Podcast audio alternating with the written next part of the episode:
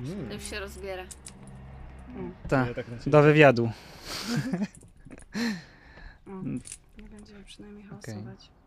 Stresujecie się? Bardzo. Powinniście, bo to nasz pierwszy odcinek. Kasiu, ty się stresujesz? Trochę.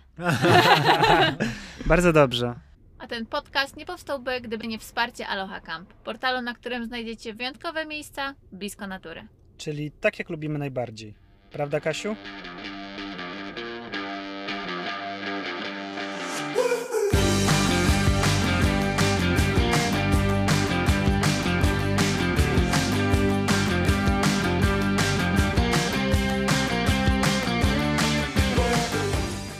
Okej, no to czas na pierwszy odcinek. Jest z nami Marta i Karol, czy 60%. Familii Ventury.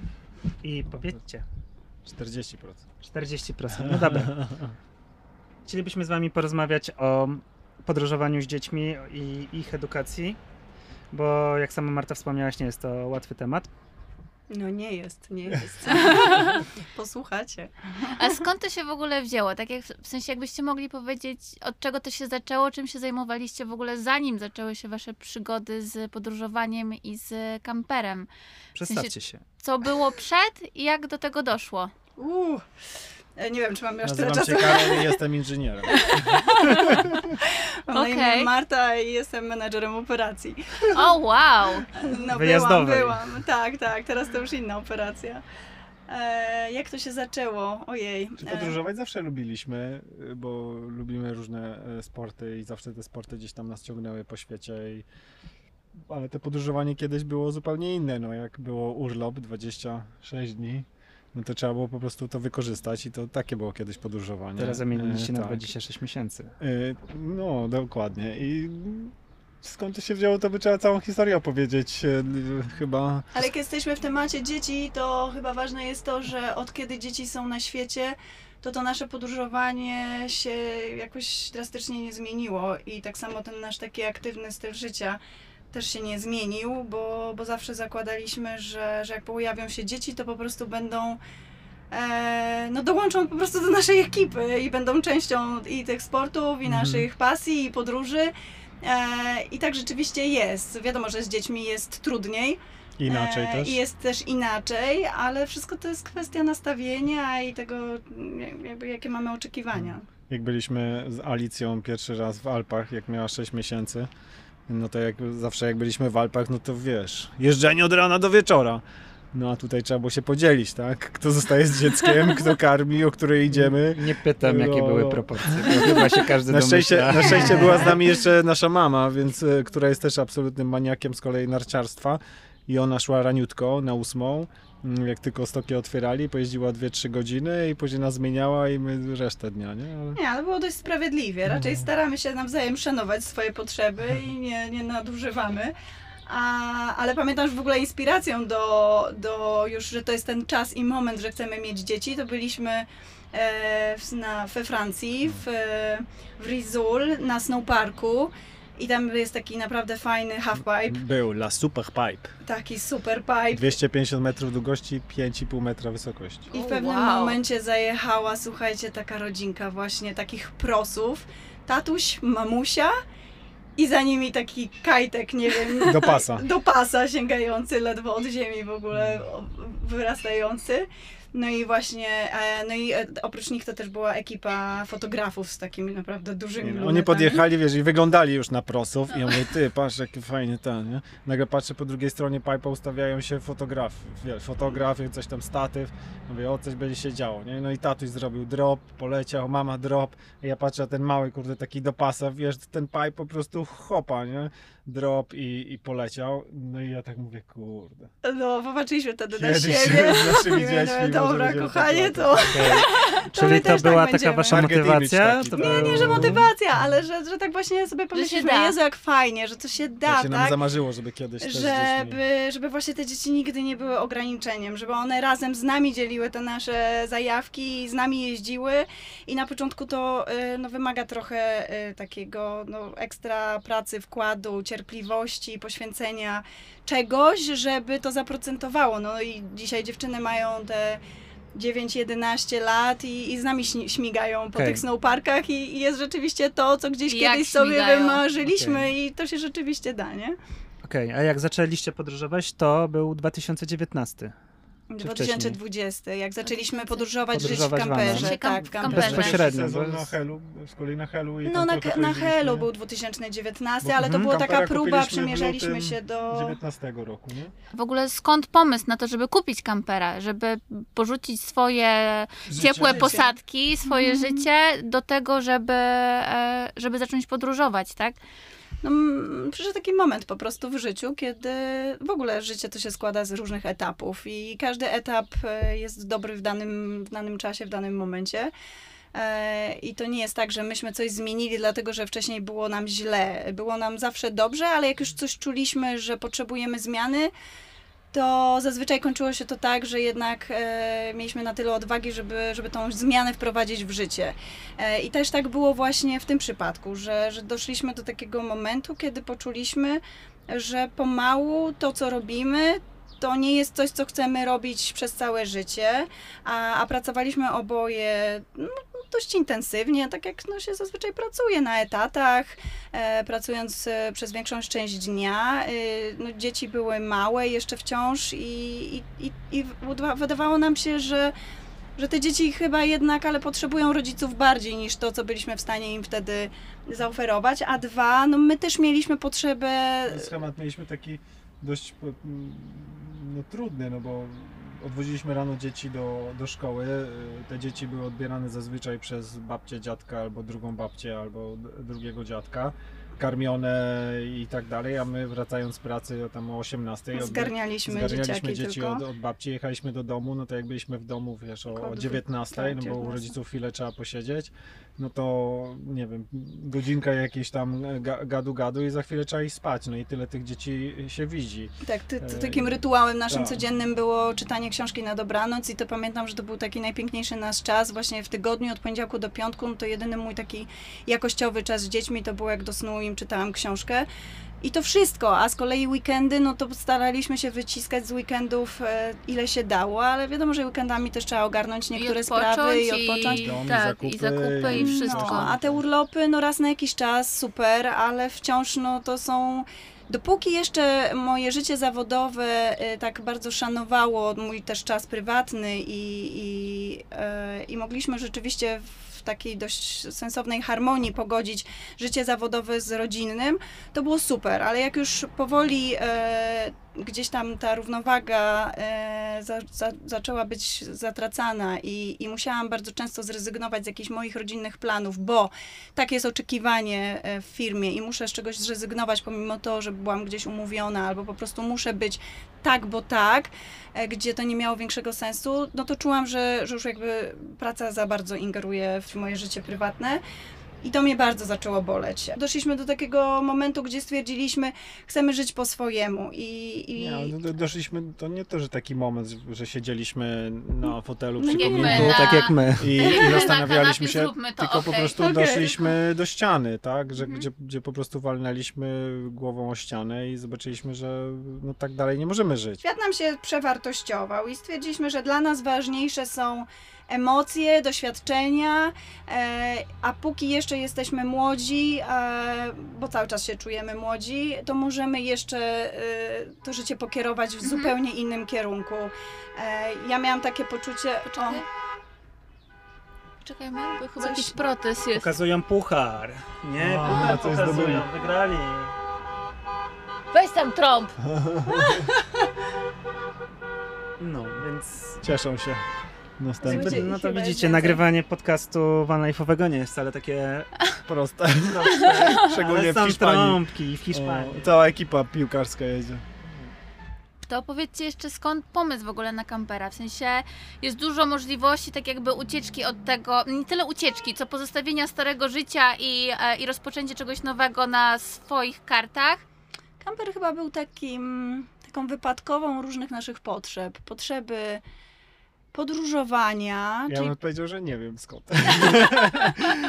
ja pamiętam, że siedzieliśmy na kanapie w domu i pierwsze co padło to... No to chyba był mój pomysł, Tak, że- dlatego nie wiesz skąd. że, że Tak, zaczęli... kobiety, ja też Nie, porzuciłam pa- wana. Padli, padł pomysł w pierwszej kolejności, a może byśmy sprzedali dom. Nie no, w ogóle było po prostu, tak jak czasami się cytat klasyczny, rzućmy to wszystko i wyjedźmy po prostu. Zabierzmy dzieciaki i żyjmy inaczej. Finansowo ciężko byłoby po prostu kupić bilety lotnicze i podróżować po całym świecie. E, Kamper nie jest może e, najtańszym rozwiązaniem, ale no powiedzmy, że jak już się kupi tego kampera, no to samo życie w kamperze już później nie wymaga nie wiadomo jakich, e, jakiego budżetu, e, jakich funduszy, no bo, no bo tak naprawdę no to masz podobne koszty jak życie, jak życie w mieście, w mieszkaniu. Myśmy zakładali jeszcze Ja na początku... oczywiście Excela od razu zrobiłem. Wszystko co ja policzyłem, mówię, nie no damy radę. Damy, damy radę, a możesz się przemieszczać. Masz tą właśnie bliskość, na której nam zależało, że chcieliśmy być po prostu razem w, w tej małej przestrzeni, która się właśnie dla wielu osób wydaje, jejku, jak tak się da, a właśnie dla nas to o to chodziło, że my właśnie mm, lubimy być razem jako rodzina i jesteśmy przyzwyczajeni, bo całe życie spędzaliśmy wakacje na Półwyspie Helskim, gdzie się mieszka w przyczepie kempingowej, więc no kamper już jest niewiele mniejszy od przyczepy kempingowej. Skoro tam sobie super radziliśmy, no to założyliśmy, że w kamperze też sobie poradzimy. Mhm. Owszem, jesteśmy tu o wiele dłużej niż, e, niż tam Przyczepie. kilka, tak, kilka tygodni w przyczepie Przyczepie. kempingowej na Helu, e, bo już jesteśmy drugi rok, e, tak żyjemy. A No ale się okazało, że, że się da i gdzieś nasze, nasze Jest nam dobrze. jest nam dobrze i tu się czujemy naprawdę no, najlepiej. E, więc, e, no ale to, to już jest kwestia bardzo indywidualna. Więc ten kamper był e, no, gdzieś po prostu taką, takim środkiem naturalnym, żeby, żeby mieszkać właśnie w czymś, w, czymś, w czym się dobrze czujemy, czyli właśnie na przestrzeni takiej przyczepy kempingowej. Mieć swoją przestrzeń. Mieć swoją przestrzeń i być blisko natury, bo chcemy być zawsze blisko natury i, i tak nasze dzieci się zawsze najlepiej e, czuły i my się tak najlepiej czujemy, że otwieramy po prostu drzwi tego malutkiego domku i na bosaka biegamy, jesteśmy w lesie, jesteśmy... Nie no, no, nie no, dla mnie, wiecie, wizja, ja zawsze miałem zajawkę na sport, e, że stanę sobie na spocie i sobie wyjdę i będę sobie pływał, jak mi się spot nie spodoba albo nie będzie wiało, to po, po, pojadę na inny. To był w ogóle jakiś super pomysł, nie? więc... e, Tak, zwłaszcza, że czegoś takiego No. wcześniej tak nie mieliśmy, bo jak już jechaliśmy w jedno miejsce i byliśmy na Półwyspie Helskim, no to jakby cieszyliśmy się tylko i wyłącznie tym jednym miejscem. Jak spróbowaliśmy życia w kamperze i co, te, tej wolności właśnie przemieszczania się, zmiany miejsca, e, no to już szczerze mówiąc e, powrót na Hel jest no, miłym doświadczeniem, wracamy z sentymentem, ale już tak, raczej, takim sentymentalnym, ale już wiemy, że to jest jakby zupełnie inny etap i, i jednak ta możliwość przemieszczania się daje bardzo, bardzo dużo. Tak, więc kamper był zdecydowanie dobrym wyborem. Jakąś tam wypadkową po prostu Taką tej sytuacji, wypadkową. w której się znaleźliśmy. Nie? Jak wyjechaliście, to dziewczynki ile miały? No, teraz mają 9,11, no to minus 2, no to Siedem, miały dziewięć. 7,9. Czyli, Czyli- Lena dopiero d- pierwszy rok w szkole była. Tak, Lena była po pierwszej, po pierwszej klasie. Mieliście jakieś przygotowania, bo mnie to zawsze zastanawia. Jedźmy, mamy kampera, super, no dobra. Tak jak powiedzieliście, dzieci nie są za bardzo obciążeniem, zawsze były i dzieliły z wami wasze pasje. No, Mieliśmy. trzeba się przygotować. Mieliśmy Mieć takie, przygotowania. o, Oj, jakie tak. mieliście myśli? Nie, no Nie, przygotowaliśmy no, my się... byliśmy, wiesz, oboje po korpo, więc podeszliśmy do sprawy bardzo projektowo i, i wiesz... No, nie wiem. Menadżer i pani inżynier tak, i, zasiedli do nie, no, zrobi, zrobiliśmy, zrobiliśmy plan i go zrealizowaliśmy w dużym skrócie, ale No tak. dwa lata się przygotowywaliśmy do, Okej, czyli to nie było e, tak, do że- wyjazdu. Nie, nie mogliśmy sobie Mhm. tak pozwolić, że to była po prostu z dnia na dzień e, szalona decyzja. Zapakowaliśmy dzieciaki i wyjechaliśmy. E, No gdyby może to chodziło tylko o naszą dwójkę, to, to moglibyśmy tak zrobić, ale jednak zanim e, będąc rodzicem odpowiedzialnym, to, to, to, to, to jednak te obawy Dlatego były. Tak, to Pytamy, było- właśnie dlatego tak pytamy, tak, No bo w naszym Mhm. przypadku to było ok, co ty na to, dobra, róbmy, tak? Mhm. Czyli nasze przygotowania polegały na tym, że po prostu musieliśmy No. wana No, no zbudować. to- Dokładnie. U was to A- trwało a, kundel, lata, a, kundel się przystosuje. U nas, u nas- wiecie, mając dzieci, Tutaj- no to jakby musisz być odpowiedzialny, więc jakby wiadomo, musisz mieć e, za co, za co żyć, no i musisz e, wiedzieć, że te dzieci będą tam bezpieczne, będą miały co jeść. No i jeszcze że do tego wszystkiego, że będą jeszcze- szczęśliwe, tak? Bo, tak, będą bo, zadowolone. No. Bo to jest kilka obszarów, o które trzeba zadbać. I Właśnie to, co Karol powiedział, jedne to są takie bardzo techniczne, kwestia właśnie przygotowania budżetu, e, zabe- o zapewnienia tym dzieciom bezpieczeństwa, ale drugie to są, dru- drugi obszar to jest taki mentalny, Taki- bym taki powiedziała, psychiczny, taki takie- psychiczny, Mhm. żeby te dzieci e, czuły się też częścią tego wszystkiego, Mhm. a nie, że my za nie podejmujemy jakąś decyzję, zabieramy je ze środowiska, które lubią, które Znają. znają i wciągamy nagle w nasze jakieś tam życie, bo, bo mamy taką zachciankę i potrzebę w życiu, żeby nagle rzucić to Tak. wszystko i sobie wyjechać. A zwłaszcza, że przygotowanie do tej podróży wiązało się też właśnie z, z innymi wcześniej zmianami, czyli ze sprzedażą domu, który bardzo kochały, w którym się wychowały, po sąsiedzku miały swoich, e, swoje Przyjaciół. Przyjaciółki, przyjaciół, e, znane środowisko, e, zmiana też, e, po drodze była też i szkoły, szko- na taką szkołę, która, która jak już przyjdzie ten moment, że wyruszymy w tą podróż, będzie nas w tym wspierała. No, no w ogóle od Mhm. tego się zaczęło, że Właśnie. zmiana szkoły. y, Właśnie, jak to, jak to Alki, wyglądało? y, szukaliśmy takiej szkoły, która Bo będzie one nas były w wspierać. państwowych, normalnie... Nie, Znaczy Alka Lena była, nie, tylko- bo Lena już poszła do tej nowej. Ala Mhm. była najpierw, bo Ala starsza, więc Ala chodziła do zerówki i do pierwszej klasy normalnej szkoły publicznej. E, a później właśnie otworzyła się we Wrocławiu szkoła, która, no to też był po prostu chyba Znak. znak. tak. E, Taka szkoła, o której ja myślałam, że chciałabym, żeby była. I ona jakby w pełni, jakby filozofia tej szkoły, podejście w pełni było spójne z tym, z moim rozumieniem, jak, jak właśnie szkoła powinna wyglądać. Gdzieś tam na początku zaczęliśmy od takich konsultacji z założycielem e, tej szkoły. Myśmy mu od razu powiedzieli, jaki mamy plan, co mamy w głowie i, i w zasadzie, że te Że- wartości, które oni opowiadają, na czym będzie opierała się ta szkoła, nam odpowiadają, bo chcemy zrobić taki wyjazd. No i co on na to? E, Jak, jak on to widzi w ogóle z takiego psychologicznego, pedagogicznego podejścia, bo facet doświadczony doktor w temacie. No i wiecie, no stanęliśmy przed jak w tej konsultacji, że a co jeśli on powie, no nie, że- to na przykład będzie niedobre dla tych dzieci. No ale na szczęście on powiedział, że super i się zajarał tematem i powiedział, że oczywiście nam e, pomogą, tylko powiedział, żeby to zrobić mm, zanim dziewczynki mm, dojdą do tam 11-12 lat, ponieważ wtedy coś tam się zmienia w mózgu, jakiś układ chemiczny Czyli kolejny znak. tak, i rodzice nie są już tacy ważni, bardziej te środowisko i koleżanki się sta- stają ważne, więc mówi, żebyśmy to zrobili w miarę, w miarę, W miarę szybko. szybko. Mhm. Środowisko i koleżanki, plus właśnie też no, zaczynają się robić też rodzić te konflikty takie pokoleniowe, Mhm. tak, między nastolatkiem a rodzicem i no Ten i wtedy bunt, na tak- tej, tak ten zwany. bunt Mhm. taki nastoletni, więc ta podróż mogłaby być obarczona naprawdę Bardzo już takim, trudne mogło być. mogłaby być po prostu trudna, a póki te dzieci jeszcze są przed tym wiekiem nastoletnim, dla nich najważniejsze jest właśnie bycie z rodzicami i to jest też taki czas w życiu dziecka, kiedy e, kształtuje się ich charakter najbardziej. I, i, I to jest właśnie dobry czas na, na, na bycie razem, na taką podróż, na to, żeby one właśnie chłonęły, Tak.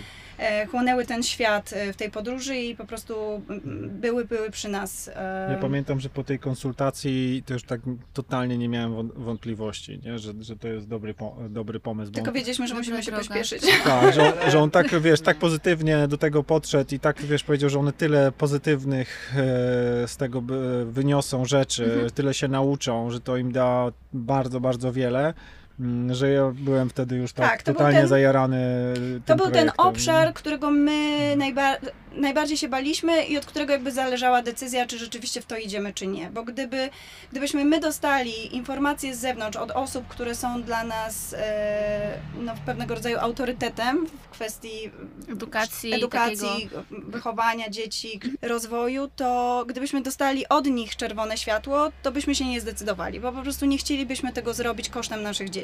A ponieważ dostaliśmy e, słowa wsparcia, to stwierdziliśmy, Nie, no że... nawet zachęty, nie nawet tylko zachęty, to stwierdziliśmy, że okej, super, to w takim razie idziemy w to, natomiast no, trzeba się oczywiście do tego odpowiednio przygotować. I bardzo dużo z tych, e, z tych wytycznych też myśmy już zaczęli wcześniej sami intuicyjnie realizować. Mhm. Jakby cała kwestia sprzedaży domu, właśnie przeprowadzki do wynajmowanego mieszkania, przygotowywania się do tej podróży, to już się działo gdzieś naturalnie, wynikało z nas, że myśmy, my zawsze traktowaliśmy nasze, nasze córki poważnie, że Mhm. one są, Są częścią ro, naszej rodziny, są Mają swój partnerami, głos, mają tak. swój głos, więc to nie jest tak, że, że my, im, my je informujemy o decyzjach, Mhm. które zostały przez nas podjęte, tylko wcześniej z nimi rozmawiamy. Słuchajcie, Super. co byście powiedziały, gdyby na przykład tak.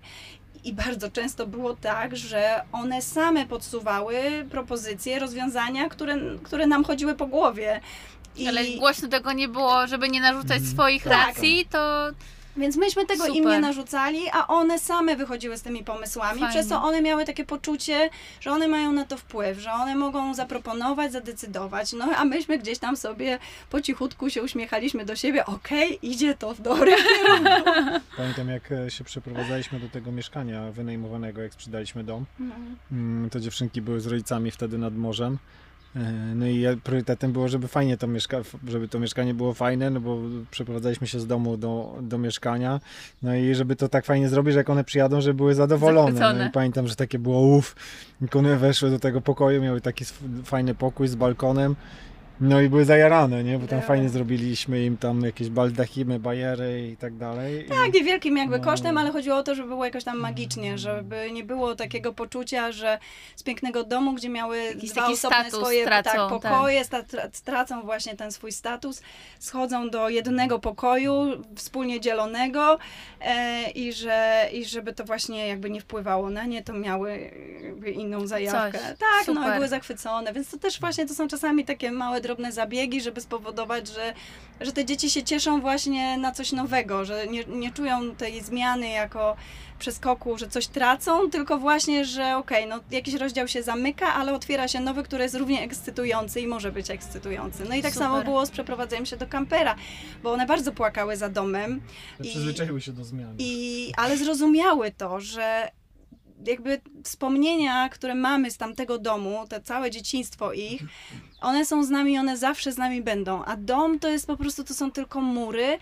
I to nie ma znaczenia, że ten mur, te, te mury poszły teraz w jakieś obce, inne ręce, bo przed nami, dzięki temu, że sprzedaliśmy ten dom, otworzyły się niesamowite możliwości. No i ostatnio tak tutaj siedzieliśmy na tym naszym murku, wiecie o jakim murku mówię, i właśnie wróciliśmy e, wspomnieniami do, do tego, jak one płakały za tym domem. Ja mówię, no i co dziewczyny, no i jak teraz na to patrzycie? Czy, czy jakbyście jeszcze raz miały to zrobić, sprzedałybyście ten dom? I one, no pewnie!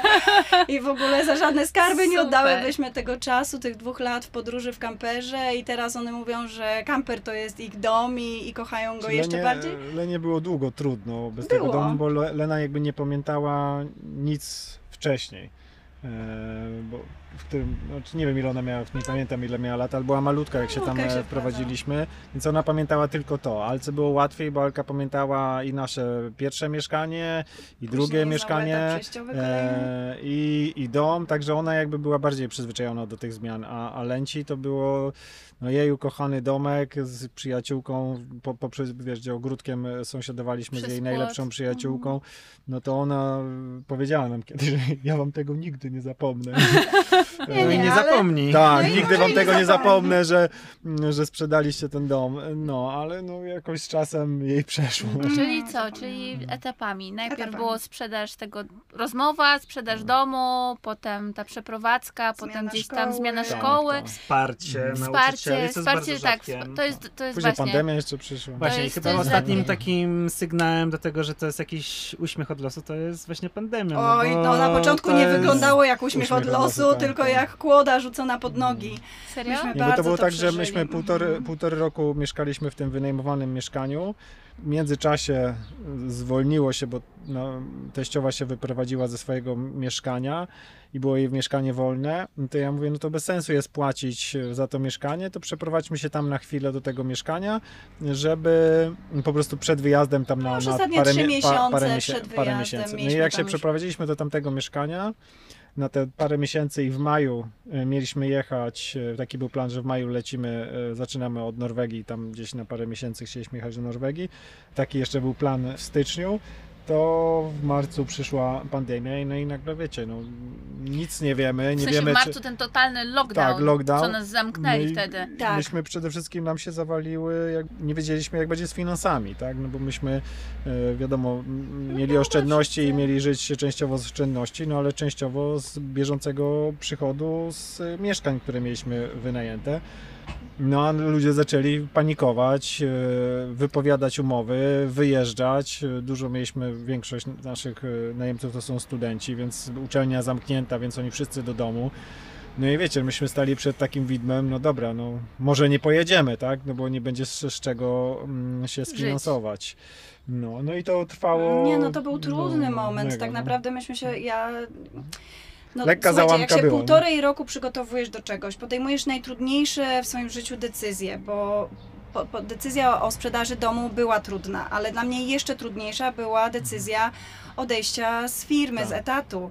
Ja bardzo Ja pier- lubiłam swoją pracę zawsze. Na ja- ile przed Ja wyjazdem? 1 marca e, złożyłem wypowiedzenie. 1 marca, okej. A... Nie 1 marca, tylko w styczniu złożyłeś wypowiedzenie, miałeś e, Trzymiesięczny trzymiesięczny okres wypowiedzenia, Tak, czyli do marca, okej, tak, do marca tak, tak, byłeś masz rację, zatrudniony. W styczniu złożyłem wypowiedzenie, a w marcu Tak. przyszła pandemia. No. Dokładnie, A więc ty, Marta, już. jak, a, a ja e, już byłam, a ja wcześniej odeszłam z, z firmy.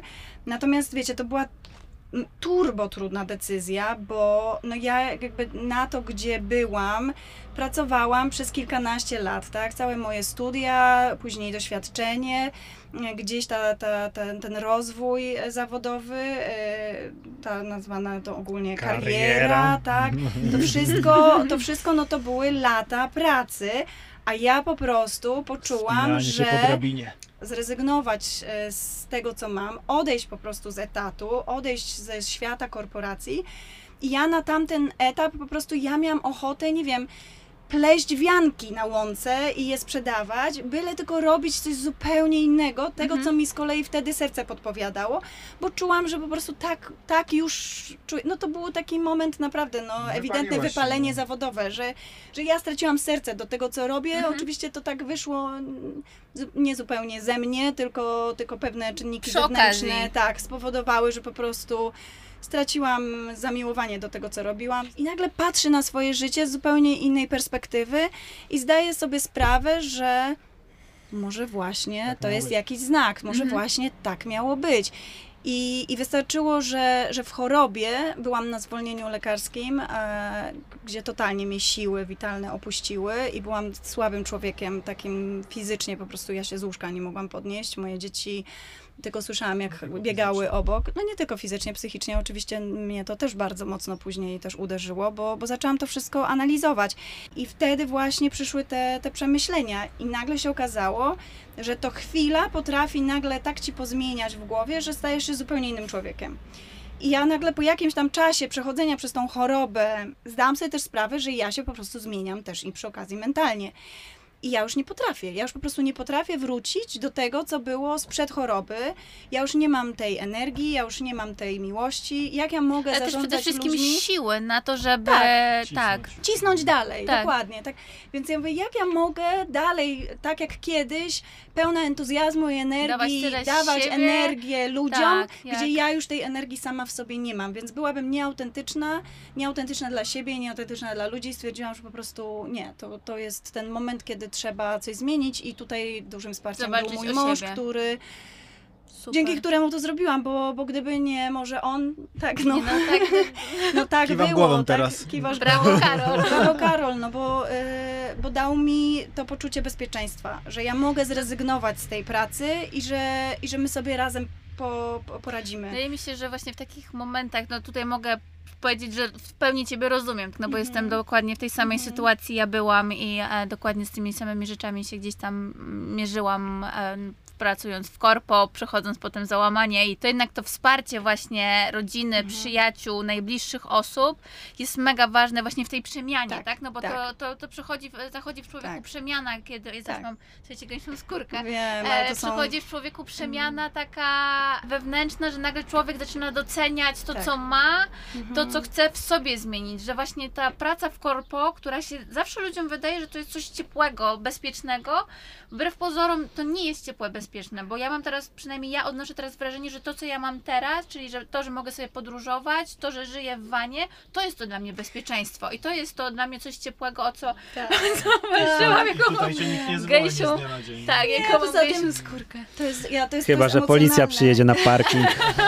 Ja też mam gęsią skórkę, bo to jest po prostu piękne i to jest To piękne móc po kilku latach spojrzeć na ten okres w swoim życiu właśnie tej przemiany, tego przebudzenia, kiedy nagle na swoje życie patrzysz inaczej, który jest zazwyczaj bardzo trudnym okresem, e, bardzo wewnętrznie boli, bo człowiek się znajduje na takim dziwnym zakręcie Tak. życiowym, że po prostu Jezu, ja nie wiem co dalej.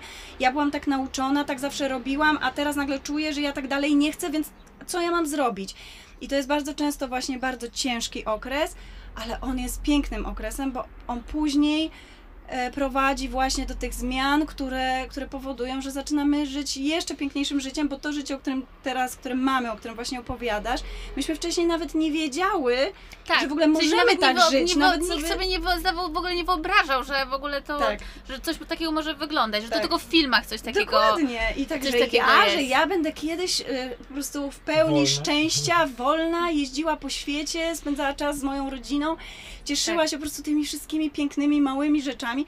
No jakby mi ktoś powiedział to 10 lat temu, to bym naprawdę spojrzała na tego kogoś z No. ozu kosa i tak pomyślała, okej.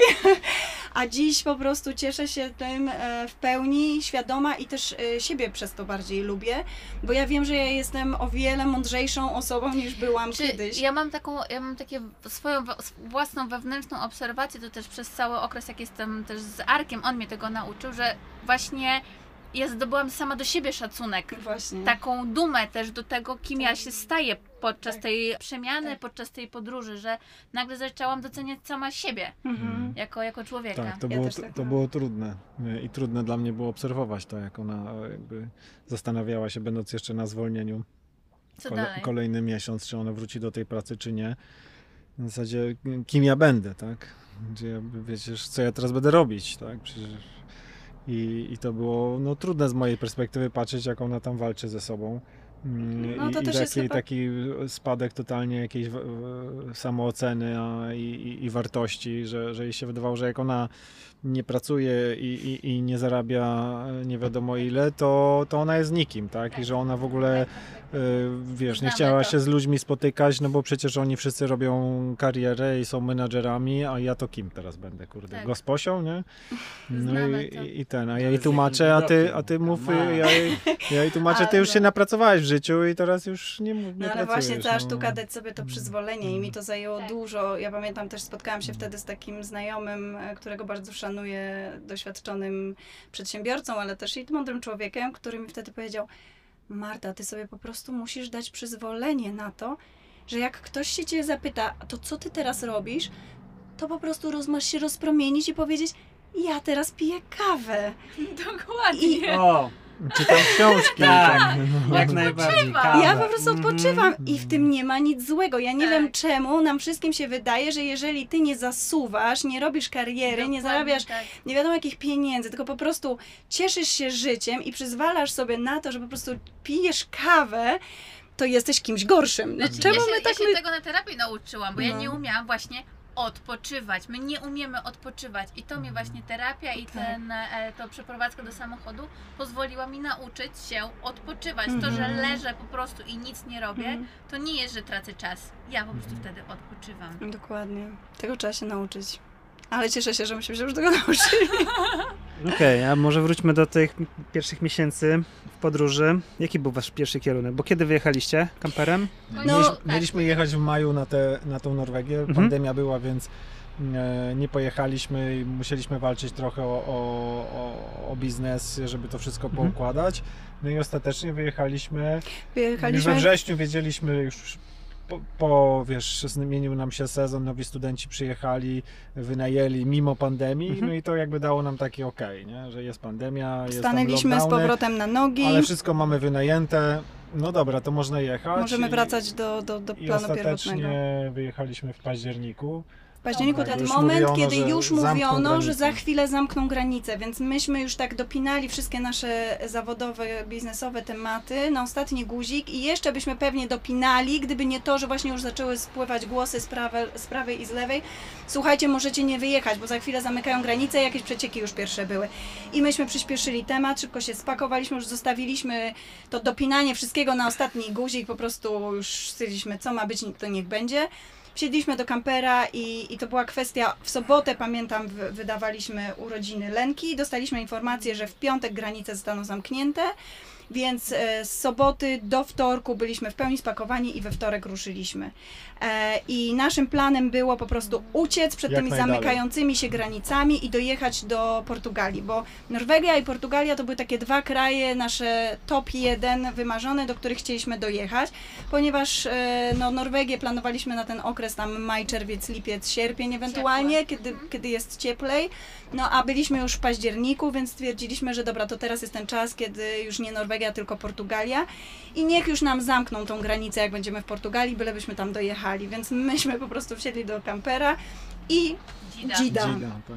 i cisnęliśmy przez Niemcy. Pierwsza granica otwarta, żadnych kontroli, nikogo. Ludzie nam już pisali, bo wrzucaliśmy na bieżąco relacje, że jedziemy, więc już nam pisali, uważajcie, bo tam też mają zamknąć tam coś. Okazało się, że nigdzie nic nie pozamykali. Przejechaliśmy bezpiecznie przez Niemcy, przez Francję i później Ale jeszcze było tak Dzida, od, Dzida. od Tak, razu tak, do tak. Portugalii. Dzida, Tak, do. Portugalii, po prostu Wcale się nie dziwię. Nie, no to słuchajcie, no to była pogoń po, po dwóch latach, bo w końcu z tego półtorej roku przygotowywania się w końcu zrobiło się dwa lata.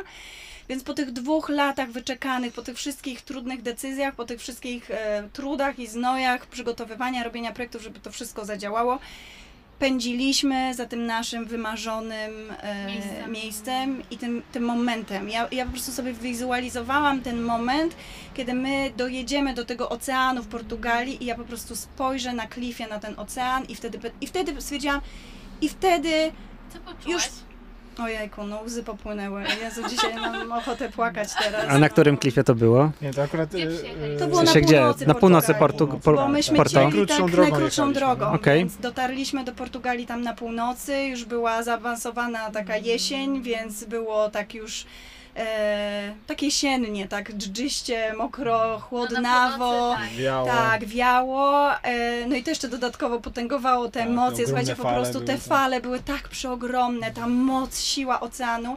Jak myśmy dojechali na ten ocean i po prostu ujrzałam ten widok z tych moich właśnie wizualizacji, który mi się tyle razy Marzył. marzył, no to poczułam się tak e, wygrana. E, Wtedy, Spełniona, wtedy jeszcze nie taka. zdawaliśmy sobie z tego sprawy, y, że, bo teraz widzimy jakie są różnice, że wszędzie byliśmy sami, y, więc przyjechaliśmy, pamiętam, na tą plażę, na taki piękny s- spot, po prostu byliśmy samiusieńcy, je- jedyny, jedyny kamper i wtedy jeszcze taki fajny taki drewniany pomościk, y, zejście do, y, do wody, nie, ja mówię, o, ale czad, nie? Pięknie. No i to i no to to był ten chyba A taki. powiedzcie mi, no bo. Wtedy zwolniliśmy, wtedy jakby już No tak, ale pytanie jak ogóle pierwsze noce, czy jakiś tutaj pojawił się niepokój? Tak jak dziewczynki w ogóle na pierwsze noce zareagowały Te pierwsze noce były kamperze. jeszcze w- w Polsce, no bo myśmy mieli rok wcześniej już tego kampera. E, Wprawdzie całe wakacje poprzednie po prostu staliśmy nim na, na kempingu, na Helu i to był taki test, stwierdziliśmy, dobra, Okej. zobaczmy czy, jak w ogóle nam będzie w tym kamperze. I po Trzeba go trzy, przystosować. trzy też. albo nawet dłużej, trzy miesiące albo cztery po prostu staliśmy na kempingu na, na Helu. No i było super i widzieliśmy, że jakby się że wszystko jest, wszystko Cały czas działa. go dostosowywaliśmy pod nasze Mm, potrzeby. I, I to, czego brakowało, ewentualnie to dołożyliśmy. No i później jeszcze jeździliśmy i gdzieś tam nad jeziora jeździliśmy i, Ale i też w górę. tak na, na dziko, Tak, tak? tak. Sensie, I wtedy był pierwszy, pierwszy noc na dziko, to oczywiście pamiętamy. Mm, bo Pierwsza to noc na Wszystkie dziko. demony wyszły, bo wracaliśmy, wracaliśmy z Helu do domu, e, więc kamperem to powoli, I więc jeszcze to na pół. mieliśmy ekstra jedno dziecko Z naszych Helu do Wrocławia. przyjaciół. Tak, z Helu do Wrocławia, więc e, po prostu tam jest 500 czy 600 kilometrów, więc na pół jechaliśmy. No i w połowie drogi gdzieś stajemy.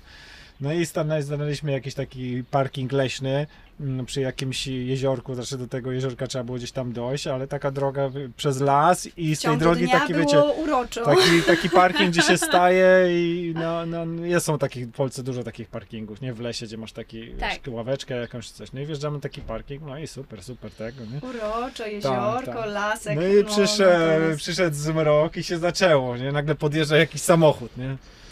Ja pierdziu, co to, nie? już. Zamknięte, światła zgaszone i patrzymy. Przez Patrzymy się firankę. przez firankę, co tam, a tam dwóch gości siedzi w tym samochodzie, ale dosłownie obok nas podjechali i siedzą, nie? O kurczę, oni na pewno się na nas szykują, nie? E, wiesz, i tak, wszystko tu przygotu- za- pozamykane, no i Pięć siedzimy. razy Tak. Marta mówi, to może, może odjedźmy, może, może jedźmy. Ja specjalnie stanąłem jeszcze przy, przodem do wyjazdu, żeby coś, to wiesz, ruszam i odjeżdżam. Wiesz, dzieci, y, dzieci śpią, jedno obce dziecko, wiesz, na Dzieci pokładzie. śpią, okej. Nie, dzieci położyliśmy. One tak nie do końca Tak. o, jeszcze Czuły zasnęły. niepewność, I, tak. i, I czuły, że coś się dzieje, a my nie, nie, wszystko w I porządku słuchajcie- do słuchajcie nich. dalej, tak do i nagle- siebie, między siebie. Karol, ty może jednak zawijamy się. I nagle oni, słuchajcie, ci goście wyszli z tego samochodu I Poszli w las. I poszli do lasu. Dwóch facetów, nie? A my, o kurde, nie? To na pewno coś, szyku, coś szykują. Wyciągają kosy. Tak, później wrócili no i odjechali. No i tak z jednej strony ulga, ale pierwsze, z drugiej... pierwsze co, no to uff. Nie, ale oni na pewno pojechali po kolegów. I zaraz tu wrócą po nas i nas tu ten mówi, to co, odjeżdżamy, nie odjeżdżamy. No i ten, pamiętam Marta wtedy wzięła książkę Kasi, Kasi, tak, Kasi z podróżowanie i zaczęła czytać Ich e, pierwsza noc, jak na głos na, ich pierwszą noc i dosłownie kropka w tak, kropka w kropkę. Ja tak leżę, pamiętam, leżymy tam w balkowie w łóżku i Marta czyta tam po cichutku Oj, na głos. dokładnie ten Ja sam mówię, o zobacz, to, I to, to było pocieszające, to że my normalne, nie mamy, że to jest chyba To normalne. No i wiecie, no i później do reszty tej nocy, no to tak ja mi się starałem się na początku cały Oboje czas staraliśmy patrzeć się, się przez czujni. okno, co tam się dzieje, wiesz, w tych ciemnościach lasu.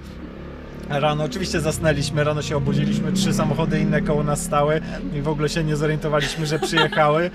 No i to było takie, wiesz, uff, No. żyjemy!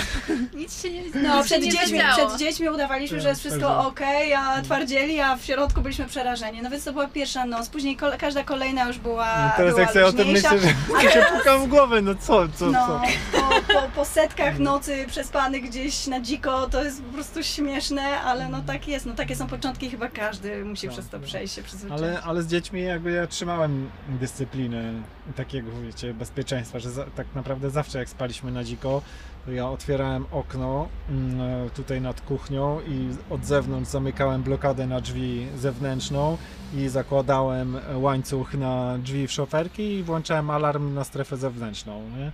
Okej. I gaz też miałem, wiesz, pod, Nie, no pod w ogóle ręką, mamy nie? kampera pod względem bezpieczeństwa, mamy dobrze wyposażonego i na tym nam też zależało ze względu na dzieci, żeby czuć się tu No. bezpiecznie, więc mamy i alarmy, i czujki, i jakieś I tak już dodatkowe... nawet jak byliśmy już tacy zaprawieni w tym dzikowaniu i, i w ogóle się nie Dzikowanie. i w ogóle się nie baliśmy, to jakby ja stwierdziłem, żeby tak trzymać taką dyscyplinę. To jest i, najważniejsze. Tak. Tak mi się Skoro mamy- wydaje, tak, że i, i tak mi się wydaje, że Skoro właśnie mamy jak się słyszy, tak, że jak się słyszy, że gdzieś kogoś, wiesz, okradli, czy, czy, czy coś złego się stało, to właśnie, że ktoś popuścił sobie tej dyscypliny bezpieczeństwa, że, że stwierdził, że już jest dobrze i czegoś nie zabezpieczył i wtedy właśnie złodziej My to nawet do tej pory, jak tutaj przecież no, żyjemy, w sensie no, znamy Tą okolicę. tą okolicę tutaj już od podszewki, możemy się tutaj czuć ultra bezpiecznie. Dalej ja jestem po prostu za tym, zapinamy pasy, kłódka zawsze jest, po prostu to bezpieczeństwo po prostu dla mnie jest, pomimo tego, że ja wiem, że ja jestem bezpieczna w tym Tak. samochodzie i nawet jak zostaję sama, no przecież Arek już e, wylatuje, wraca i ja tutaj ja już 7 tygodni byłam sama, Mhm. to tak czy inaczej dla mnie po prostu to bezpieczeństwo Tak. takie jest, e, jest najważniejsze. To, Mm. to psychicznie, to jest ważne, prostu wydaje mi się, psychicznie, to żeby nawet trzymać, nie... żeby trzymać tą Tak, rutynę. żeby nie odpuszczać w ogóle w żadne, tak jak się w domu idzie do mieszkania, zamyka się po prostu przed pójściem spać po prostu drzwi, Mhm. to jest dokładnie tak samo tutaj. Mhm. Pamiętam, że na początku, wiesz, jak u nas się otworzy drzwi i alarm jest włączony, no to wyje, jak od środka włączysz, tylko czujki ruchu w środku nie działają. No i na początku zawieszałem jakiś tutaj sznurek na, na klamkę, żeby było wiadomo, że alarm jest włączony, a później już wszyscy pamiętali, bo po prostu ten alarm był zawsze włączony nie? Okej. w nocy, więc przed pierwszym wyjściem trzeba było najpierw rozbroić alarm, Kliknąć. żeby otworzyć. No. Jasne. Czyli dziewczynki się nie bały. Nie, dziewczynki nie. Dziewczynki od samego początku chyba mają takie zaufanie, miały do nas. Jak my mówimy, że Że jest jest bezpiecznie, bezpiecznie, to one nam Ale ufają. bo wy macie do nich i one, ma- to działa w dwie strony Tak. też. Wydaje mi się, że to jest naturalne. Tak, tak, one się nigdy nie bały. Czy wiecie, one się generalnie bały e, w ogóle tej podróży, jakby tej, tego, tej, tego, tej zmiany życia. One tego nam nie pokazywały, ale zdradziły nam to później, po czasie i też słyszeliśmy... Ili znajomym albo dziadko. Tak, zda- zdarzało się, że tam jedna, dwie osoby nam powiedziały, że miały tam z nimi rozmowy jeszcze przed naszym wyjazdem i zdradziły, że one ogólnie no trochę się tego boją, ale trwa, trzymały fason i tylko z dziećmi to jest tak, że one one się z jednej strony bały, ale z drugiej strony się bardzo ekscytowały tym. Poza tym miały pełne zaufanie do nas, że my wiemy, co robimy i, i, i to im jakby... Ale nic nie Nie wiedzieliście. wiadomo to skąd się to bierze, ale tak, ale miały zaufanie do nas. A Dobrze, no i trzy, że dobrze graliśmy. na szczęście dzieci też mają to do siebie, że one są tu i teraz, więc dla nich jakby wizja, że Nie one planują. za pół roku będą gdzieś jechać, czy za ileś tam dwa miesiące, wciąż to jest tak odległy czas. One się cały czas skupiały na tym, co się działo wokół nich, na obecnej chwili, szkole, koleżankach, zabawach.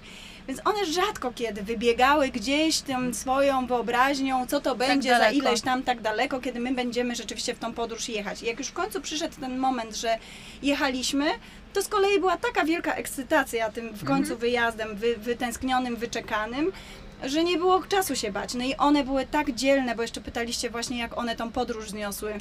Jak jechaliśmy, pędziliśmy do tej Tak, Portugalii. niesamowicie. To było coś niesamowitego, słuchajcie. One w tych niewygodnym tutaj fotelu, bo, bo tutaj one nie mają najwygodniejszego jednak tego y, środka transportu, jeśli chodzi o te, o te, o te fotele. Przejechały twardzielki. Trzy dni w drodze, Trzy dni no. ciurkiem z Polski do Portugalii. I ani... Harry'ego Pottera czytały. Tak, słuchały Harry'ego Pottera w kółko. Nie, nie, nie, żadnych... Tato zwolnij, bo mi tutaj nauczyciel mówi, że przerywa. Nie, nie, nie, one już nie miały szkoły online. Całe szczęście przeszliśmy na edukację domową, bo, Mhm. bo ten, mieliśmy taki moment przejściowy, jak kończyły rok, a już się pandemia zaczęła, że, że miały szkołę online, co było dobre, bo były taki, bo to było takim było, okresem tak, przejściowym, tak, to że, okres że, już prac, że już się uczyły z domu, ale jeszcze nie zupełnie same, że się łączyły z klasą, z nauczycielem, więc to było fajne. Natomiast na dłuższą metę to byłoby trudne, bo jednak jesteś wtedy uzależniony od tych godzin narzuconych szkolnych, Tak, jakichś tam spotkań materiałów drukowanie materiału, ale to było dobre właśnie taki okres przejściowy, a później jak już jechaliśmy do Portugalii, no to już byliśmy w pełni na edukacji domowej, więc jakby tutaj my sami zarządzamy tym czasem. Super. Okej. E, więc one akurat w podróży to się nie uczyły, zresztą no ciężko się uczyć, bo, drodze, bo jak nie, się jedzie... Się nie, uczyły. Nie, nie, nie, chodzi mi w tej drodze, w tej trasie z Polski Polska, do Portugalii, co Portugalia. wtedy tak Nie, szybko to jechaliśmy, to były trzy dni, Mhm. trudne trzy dni, bo było intensywnie, więc one raczej właśnie sobie słuchały audiobooka e, głównie, e, no i podziwiały widoki za oknem, no i wiadomo, no jakby cieszyliśmy się samym faktem bycia już, już w podróży, ale były tak dzielne, ani razu nie kwękały, że, że nie wiem, że im niewygodnie, albo że są zmęczone, albo że coś im się nie podoba, E, były tak samo podekscytowane i zdeterminowane jak my i Żeby dojechać i fanfary i... były na każdej przekroczonej granicy, a jak już wjechaliśmy do Portugalii, no To to, po prostu było święto. Feta. Była feta, no i jak dojechaliśmy do Portugalii, to było takie upragnione zwolnienie. Kiedy nagle po prostu wrzuciliśmy na luz. I to był ten moment, od kiedy nasze życie zaczęło e, funkcjonować w zupełnie inny sposób, czyli właśnie pozbawione kalendarza, zegarka, Excela. Tak. Excela. Ja to- Straciliśmy ja to- ja to totalną rachubę czasu Ja to i wspominam z kolei, mam wyrzuty sumienia, że tak trochę zwolniliśmy na maksa, bo pamiętam jak wjechaliśmy do tej Portugalii, to wszyscy nagle nam zaczęli ze wszystkich stron dzwonić, mówi jedźcie, myśmy byli na północy, a wszyscy jedźcie do Nazare. Nazare. Jedźcie do Nazare, a tam był jakiś dwa dni później, od My naszego byliśmy. wjazdu był jakiś Tak. epicki w ogóle My się wazon, chyba tam tak. minęliśmy, bo my byliśmy tam. 29, 30 Tak, jakieś takie po października. prostu się To okazało niesamowite. epickie. Rekordy, po prostu rekordy tak, świata tak. tam były. Tak, A myśmy Żałujemy byli dwa dni ale- stamtąd i później jak zobaczyliśmy to Nazarę, gdzie wracaliśmy trzy, kro- trzy razy tam w końcu byliśmy, to ja teraz mam wyrzuty sumienia, kurde, trzeba Tak, było My jechać, tam no. byliśmy. Trzeba było No, jechać, super. No ale naprawdę, słuchajcie, nie mieliśmy siły. To było naprawdę po tych dwóch latach intensywnej pracy Jakbym wiedział, to i bym tej pojechał. trasie, myśmy myśleli, że po prostu nie, sorry, ale jeszcze zdążymy do tego Nazary dojechać. No ale no niestety to już... A później pandemia przyszła i nie wpuszczali surferów na falę. Nie? A powiedzcie... Czy była już pandemia wtedy tylko? Po tym właśnie evencie, co wyście byli, No. tam było tyle ludzi, że oni później zakazali surferom e, Tak. wchodzić, W bo ogóle nie byli w stanie... za- zakaz surfowania był. Przypilnować bo nie byli w stanie przypilnować tych Mhm. widzów. Nie? I To- wtedy to- to było- właśnie to było zaczął ciekawe. się ten uśmiech losu, o którym ty powiedziałeś na początku, że pandemia była uśmiechem. Mhm. Myśmy dopiero wtedy zrozumieli, że tak naprawdę to jest dar od losu, bo na początku płakaliśmy, jak przyszła Mhm. pandemia, że półtorej roku przygotowywania się, a tu nagle Mhm. bęk, nie wyjedziemy. A później byliśmy wdzięczni za tą pandemię, no bo sami Znaczy wiecie, wdzięczni. jakie było podróżowanie w pandemii. No, No, najpiękniejsze.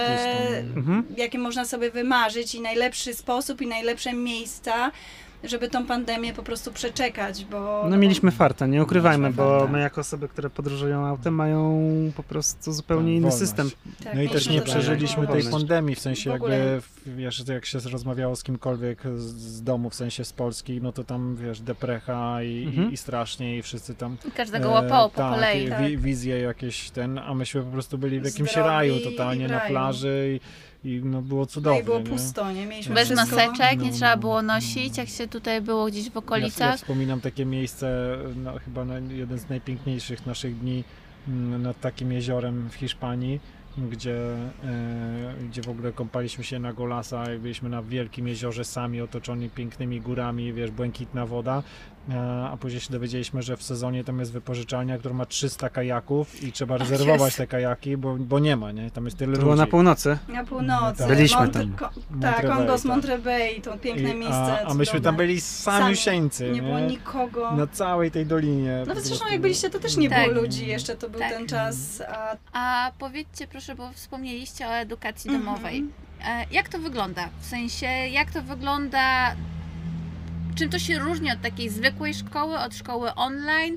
No i teraz ta Mhm. edukacja domowa, tak? Czym Mhm. to się charakteryzuje? No i jak to się u Was sprawdza, jak to Wy egzekwujecie, tak? No bo tutaj chyba jest dużo Waszej w ogóle takiego zaangażowania potrzebne w tym. Różni się generalnie wszystkim. Wiesz, zacząłem się zastanawiać, co ma wspólnego z normalną szkołą. To chyba no podstawę programową. podstawę programową, tak, i tyle. Ale dostaliście ją na maila. Tak. Dostaliśmy ją ze szkoły. Znaczy, pewnie to wygląda z, różnie w zależności od szkoły, do której się przynależy. No bo jak rodzina jest w edukacji domowej, no to musi przynależeć do jakiejś placówki.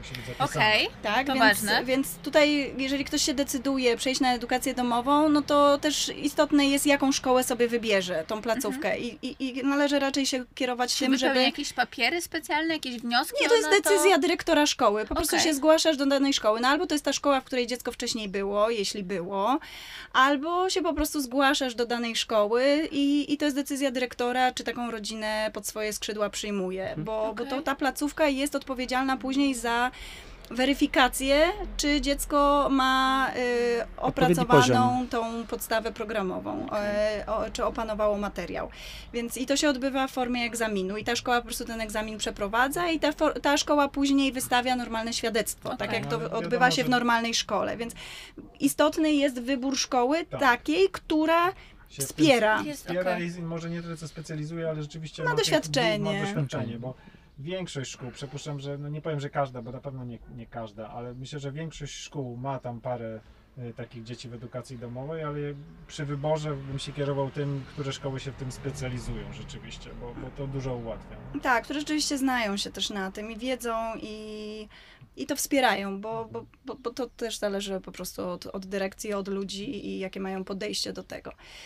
E, więc no myśmy, myśmy zostali w tej szkole właśnie, no, którą wybraliśmy sobie, e, która nas to od samego system, początku... e, bo mówi e, holenderski, jakby to mówi... Jak... Chiński. Fiński, tak. okej. Nasza, No szkoła, nasza szkoła akurat to jest szk- autorska szkoła podstawowa na Vigo we Wrocławiu i, i ta szkoła od samego początku właśnie nam zakomunikowała, że, że ma rodziny w edukacji domowej i że jak po tym et, już naszym etapie przygotowa- przygotowania do podróży, e, w trakcie którego dziewczynki normalnie do tej szkoły uczęszczały do, plo- do placówki stacjonarnej, no to później jakby przechodziliśmy, dołączaliśmy do tej grupy rodzin, które z kolei przynależą do tej szkoły właśnie w, w ramach edukacji domowej.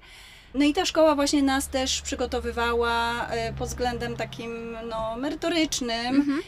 znaczy to przygotowanie. Ja po prostu spotkałam się z kilkoma osobami tej szkoły, z pedagogami, którzy e, Powiedz- podzielili się okej. ze mną jakby swoją, swoim punktem Super. widzenia, jak, jak ja powinnam, a jak nie powinnam do tego tematu podchodzić. I za to jestem bardzo wdzięczna, bo wydaje mi się, że no, rodzic jest w pewnym sensie trochę taki zagubiony, jak tą edukację domową poprowadzić, no bo nikt tego nie uczy. Nie ma y, żadnego, żadnej weryfikacji, nie wiem, umiejętności rodzica, Mhm. czy, czy tego, czy rodzic wie, jak to robić. Nie ma żadnego szkolenia. To, to Też jest nie każdy się nadaje do tego. no i pewnie też nie każdy się do tego nadaje. To, to też jest nam ciężko to też zweryfikować, czy my się Ja na nadajemy, pewno czy nie nadajemy. No, któż to wie, nie wiem. W każdym razie, no, no my jako rodzice, jeżeli jest, staramy się być takimi rodzicami świadomymi i tak postępować i działać, żeby naszym dzieciom w żaden sposób krzywdy nie zrobić, a, a chyba każdemu rodzicami, rodzicowi na tym zależy, żeby, żeby te dzieci tak wychowywać, tak je kształtować, jakby kierunkować, żeby je rozwijać w ten, w ten, w ten dobry sposób. No to takie wskazówki z zewnątrz od osoby, która się na tym zna, są no, na wagę złota. I ja taką rozmowę właśnie odbyłam z nauczycielką jednej z dziewczynek, która mi też powiedziała, żeby przede wszystkim jakby ważne jest, e, żeby nie stawiać siebie, rodzica, w roli nauczyciela. Że rodzic zawsze rodzic. jest i będzie rodzicem, a nie nauczycielem. Bo chodzi o, o poczucie odpowiedzialności. Żebym ja. e, pełniąc funkcję nagle nauczyciela w tym kamperze w podróży, nie e, przejęła odpowiedzialności za naukę swoich dzieci na siebie. Bo to jest ich edukacja, a nie moja. To jest ich życie i to one muszą już od najmłodszych lat uczyć się właśnie tej odpowiedzialności. I to, co na przykład ja bardzo cenię sobie w naszej szkole, to jest to, że dzieci właśnie już w podstawówce mm, Tak, mają bardzo dużo takich elementów Mhm. wprowadzonych do swojego takiego normalnego, codziennego życia, które już uczą je e, studiowania, tak jak to się odbywa na studiach, czyli dzieci sobie same, dzieci bardzo często podejmują samodzielnie decyzje o swojej edukacji. To w której kolejności na przykład będą zdawały swoje jakieś tam kompetencje, tak?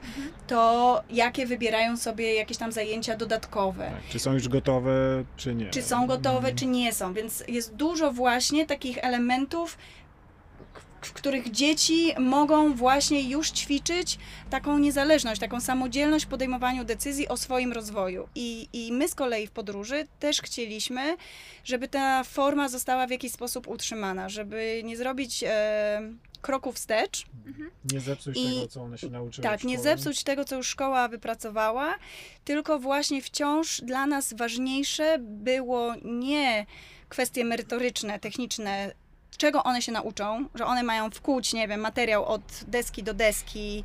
Zresztą sami wiecie, bo uczestniczyliście, że no, u nas myśmy się po prostu nie spinali. Jeżeli dziewczyny się nie nauczą historii na blachę, czy nie wiem, nie, Wszystkich dat. wszystkich dat, albo nie wiem, nie nauczą się y, tam przyrody, wszystkiego dokładnie, budowy, y, nie wiem, roślinki, to trudno, to się nic nie Nic stanie. nie stanie. Y, My wychodzimy z założenia, że jak one będą potrzebowały, to one się kiedyś same nauczą.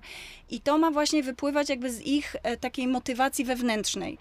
Jeżeli ja bym stała nad nimi i ja im kazała, ja im rozpisywała, że dzisiaj mają zrobić, nie wiem, od strony siódmej do dziewiątej e, i im rzeczywiście wkładała to łopatą do głowy, to byłaby to motywacja zewnętrzna. One by się tego uczyły, bo by musiały.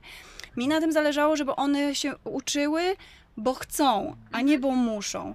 No i to jest trudne, bo o wiele pewnie łatwiej byłoby mi właśnie być takim Siadaj, mama rób- policjant, która właśnie codziennie, słuchajcie dziewczyny, okej, jest godzina dziewiąta, siadamy do stołu, proszę bardzo, otwieracie podręczniki, czytacie odtąd dotąd, wypełniacie, robicie, nie ma dyskusji, do widzenia. Odzrobione, dopiero teraz możecie wyjść sobie na dwór i pobiegać.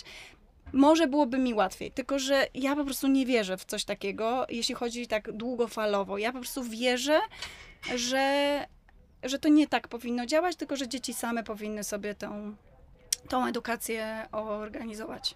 Wydaje mi się, że to jest kwestia takiego znalezienia balansu, bo nam się jakby nie udało w pełni, wiecie, w- to są dzieci, tak? Dorośli nie są w stanie się zdyscyplinować i, i, i codziennie robić jakichś tam swoich obowiązków, a co dopiero małe dzieci, więc e, gdzieś tam po prostu szukaliśmy takiego balansu, że my trochę je gdzieś tam im przypominaliśmy i zapewnialiśmy tą przestrzeń, żeby, żeby było, nie wiem, spokój, żeby nie było wokół dzieci, ludzi, albo no żeby po prostu ta przestrzeń była i, i mówiliśmy, że słuchaj, może to jest ten moment teraz, żebyście coś po, porobiły. Mm, A z drugiej strony też mi bardzo zależało i może nie tyle co przymuszałem, ale pewnie trochę tak gdzieś tam przypominałem o tym, żeby robiły dwie rzeczy, czyli żeby codziennie e, czytały minimum pół godziny i żeby uczyły się języka e, też minimum pół godziny. No i na początku było z tym e, ciężko, gdzieś tam się, się broniły. No ale to wydaje mi się jest jeden z naszych takich mega, przynajmniej ja jestem z tego bardzo dumny i zadowolony, że dziewczyny totalnie łyknęły bakcyla czytania, nie? Że, że teraz one wstają rano i zamiast umyć zęby, to siadają z książką i czytają. Kiedyś to Tak, było że- nie do pomyślenia. Tak, że wielokrotnie się, wiesz, łapie, no, że dzieci nie ma, mówi, o kurczę, to pewnie siedzą na tablecie, gdzieś tam ich szukam, patrzę, one czytają, nie? I ja mówię, wow, nie? Że to jest to, co ja chciałem osiągnąć i to się, i to się udało, no bo jak będą potrzebowały coś się nauczyć, to po prostu wezmą Wezmą sobie książkę. książkę i sobie Książkę. przeczytają, nie? Dokładnie, zwłaszcza, że nam zależy, żeby one uczyły się tego, co rzeczywiście jest przydatne, taka wiedza użytkowa. Nie chodzi o to, żeby wszystko wiedzieć, tylko wiedzieć to, co, co w życiu i w praktyce Na pewno wie, wykorzystywać wiedzą, to. żeby tatę o ortografię nie pytać. No tak, to, to wiedzą. E, natomiast też się dowiedziały dużo innych też cennych rzeczy. No i też staraliśmy się często gdzieś w terenie tą wiedzę przemyśleć. Właśnie, dlatego też chcemy zapytać, jak to jest w po- w podróży. Mhm. Czy dzieci nie są w żadnym stopniu ograniczane, bo nie są. I teraz jak właśnie podróżowanie, przemieszczanie się wpływa na nie?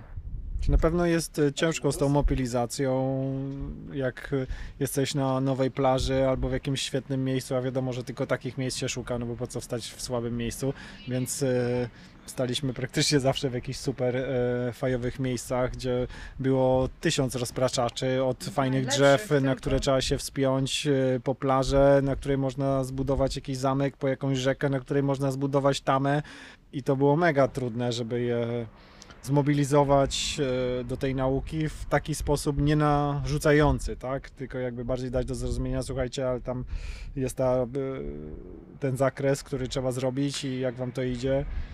No tak, ale nauka to nie tylko właśnie biurko, książka Tak. i zeszyt ćwiczeń, bo nauka Dużo to też to w też bycie w terenie, tak? Dziewczyny jakieś. miały dużo tematów związanych właśnie z, nie wiem, kierunkami świata, z właśnie z geografią, e, roślinnością. No to są wszystko rzeczy, tak, które można się uczyć w przeliczanie, terenie. zakupy, Dokładnie, wiesz, wagi. euro, złotówki, e, E, gotowanie. No więc one z nami tutaj czego. gotowały, ważyły, no to też ważysz czasami tak w ręku, tak? Nie wiem, zakupy robisz, no to dziecko niesie, no to weź tak przerzuć sobie te zakupy, żeby, nie wiem, żeby y, prawa siatka i lewa siatka były mniej więcej równe, albo jak robisz zakupy, no to dobra, to masz tutaj banknot y, 100 euro, idziesz na, na zakupy i, i później ile ci tam wy... Taki Co Grubo. Takimi banknotami operujecie. Dałam przykład, no. Czasem się zdarzy, słuchajcie, że nie ma Kasia, ale dziewczynki drobniaków. muszą liczyć no, do. To jest ten poziom, że one muszą liczyć do stu. Jak się One ma lepiej nauczyć? liczą te większe banknoty niż te Aczkolwiek, mniejsze. e, wiecie, no tutaj zakupy dla czteroosobowej rodziny No, niestety, spożywcze, to poniżej stówy, to policzyłbym na rękach, ile Niestety zapłaciliśmy to się, razy. Tak, to nie? się raczej nie... Ale jak idą na lody, no to nie dostają No. stówki. Często dostajemy pytanie, no a co z kontaktem z rówieśnikami? No i pamiętam, że to by samo pytanie, bo dokładnie mieliśmy te same obawy. Na pierwszym spotkaniu, tym, o którym Wam już wspominałem, z tym e, właścicielem tej, e, Założycielem założycielem tej szkoły. szkoły, który jest pe, też pedagogiem. No, pierwsze co się go zapytałem, no a jak to z tym kontaktem z rówieśnikami, no bo to się też baliśmy, nie? No i on powiedział nam taką, e, taką rzecz, mówię, a weź popatrz na dorosłe życie. Czy ty się obracasz w, z rówieśnikami, tak? Czy jak jesteś w pracy, czy gdziekolwiek indziej, tak? No nawet patrząc między nami jest 10 lat różnicy, tak? E, no gdziekolwiek się nie obrócisz, to obcujesz z różnym wiekiem, wiesz, a tu z, z, z rodzicami, a tu z kimś tam. W pracy masz e, jednego szefa, który jest od ciebie o pół roku młodszy albo o dwa lata młodszy, a drugiego, który jest 20 lat starszy. Także on mówi, to jest e, ten mm, ekosystem stworzony w szkole jest totalnie wynaturzony, oderwany od rzeczywistości, w której one będą funkcjonować w przyszłości. Więc mówi, nie bójcie się tego, że one nie będą, Super. wiesz, z rówieśnikami, no bo będą się przygotowywać do tego, co czeka je w życiu, życia. nie? Ja wtedy mówię, wow, nie? No i tak jest rzeczywiście, w podróży mają kontakt z Ze dziećmi młodszymi, z dziećmi starszymi, no i przede wszystkim z, z różnymi dorosłymi. Tak. E, I ze wszystkimi trzeba się dogadać i znaleźć wspólny język, nawet jak się go nie zna, no, to, to wiesz, tutaj się bawiły z Francuzami, tutaj z Hiszpanami, tutaj z dorosłymi Polakami, tutaj z dorosłym Anglikiem, który ma 64 lata i ze, z każdym musiały znaleźć jakiś język. Czy jeszcze są fajne takie szkoły, które nie mają zadań domowych, no nasza akurat do, tych, do takich należała. Dzięki Bogu. ca- całe szczęście, ale no w większości szkół jednak te zadania domowe są i z tego co słyszeliśmy, no to są naprawdę w kosmicznych e, ilościach. E, my tego nie popieramy, bo uważamy, że dzieci jednak po szkole powinny mieć ten czas na odpoczynek a nie na znowu naukę. No i wtedy, jak jest to zadanie domowe, no to wtedy może rodzic się trochę angażuje, no ale słyszałam, że to też jest e, Czasem rodzice robią za, za dzieci te zadania. Albo robią za dzieci, albo jest to jakiś tam już e, ten element, który wprowadza jakieś spięcia, napięcia, frustracje zupełnie niepotrzebne. E, więc e, no, jakby tego nie, nie, nie popieramy i się cieszymy, że, że nasze dzieci właśnie tych zadań domowych nigdy nie miały. No i my też właśnie pilnowaliśmy tą taką higienę rozdzielania okej, czasu na naukę i czasu na, na odpoczynek. Ja też pamiętam swoje dzieciństwo i ja nienawidziłem zadań domowych. Ja, moje życie po szkole to było podwórko, koledzy, las i zabawa. E, I po prostu zadanie domowe to dla mnie była największa kara.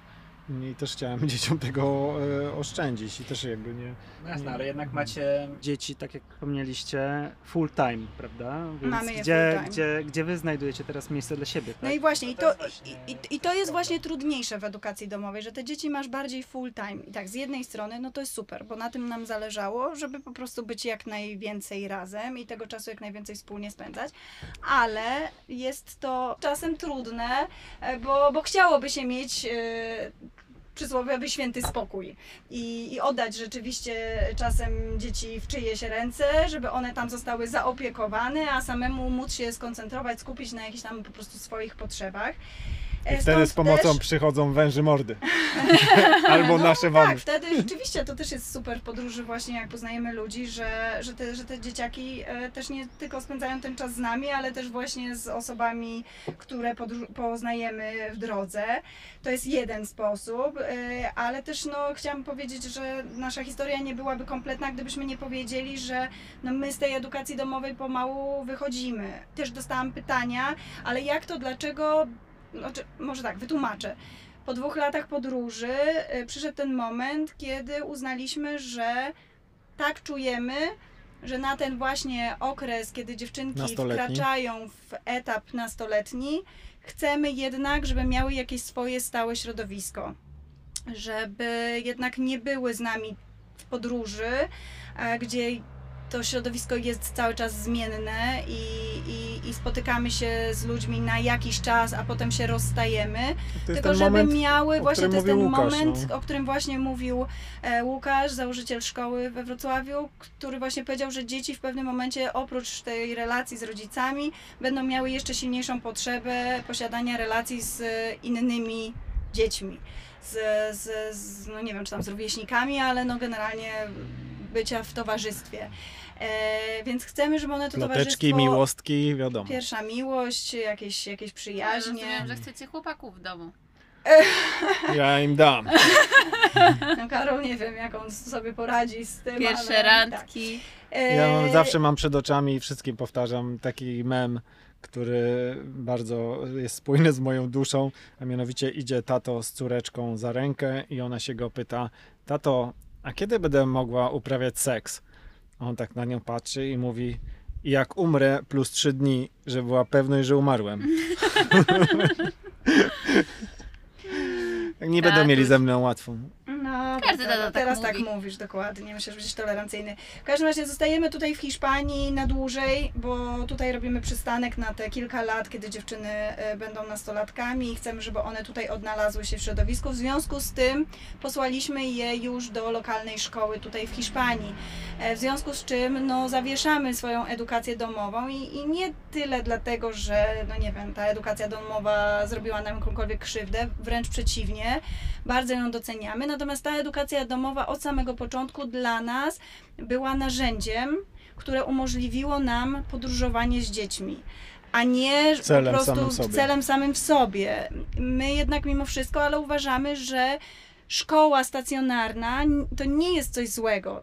Owszem, mamy różne e, opinie na temat no, jakby różnej Nie no, formy tradycyjna szkoły. polska szkoła publiczna. stacjonarna to jest coś złego i ja mam takie zdanie. No, ale już jakby w tu w głęb, Nie no, głębiej ja- w ten ja temat nie wchodzimy, tak? No, dlatego też wybraliśmy inną szkołę dla naszych dzieci, z tego właśnie względu, że no, patrzymy na, y, na edukację w, na swój własny sposób i szukamy takiej formy edukacji, która jest spójna z naszymi potrzebami.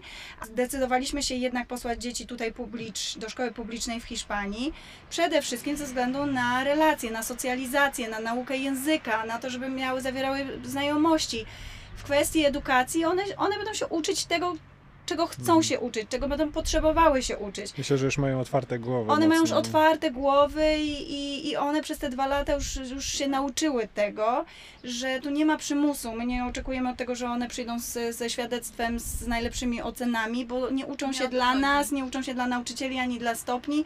Uczą się po prostu dla siebie.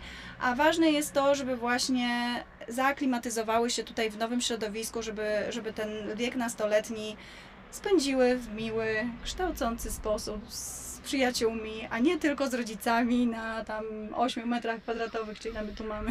Jak będą chciały jeszcze jeździć kiedyś z rodzicami, to, to wtedy już będą jeździć jak, jak będą dalej chciały, nie? Ale, Ze swoimi dziećmi pewnie. Mm, no, może ze swoimi no, dziećmi my na to razie robimy też, tak. przystanek. Sami rodzice nie będą chcieli już. Robimy przystanek, Robimy ale... przystanek w takim miejscu, w którym no. czujemy się dobrze, że i wierzymy, że one tutaj się odnajdą i, i my w międzyczasie też się tutaj odnajdziemy.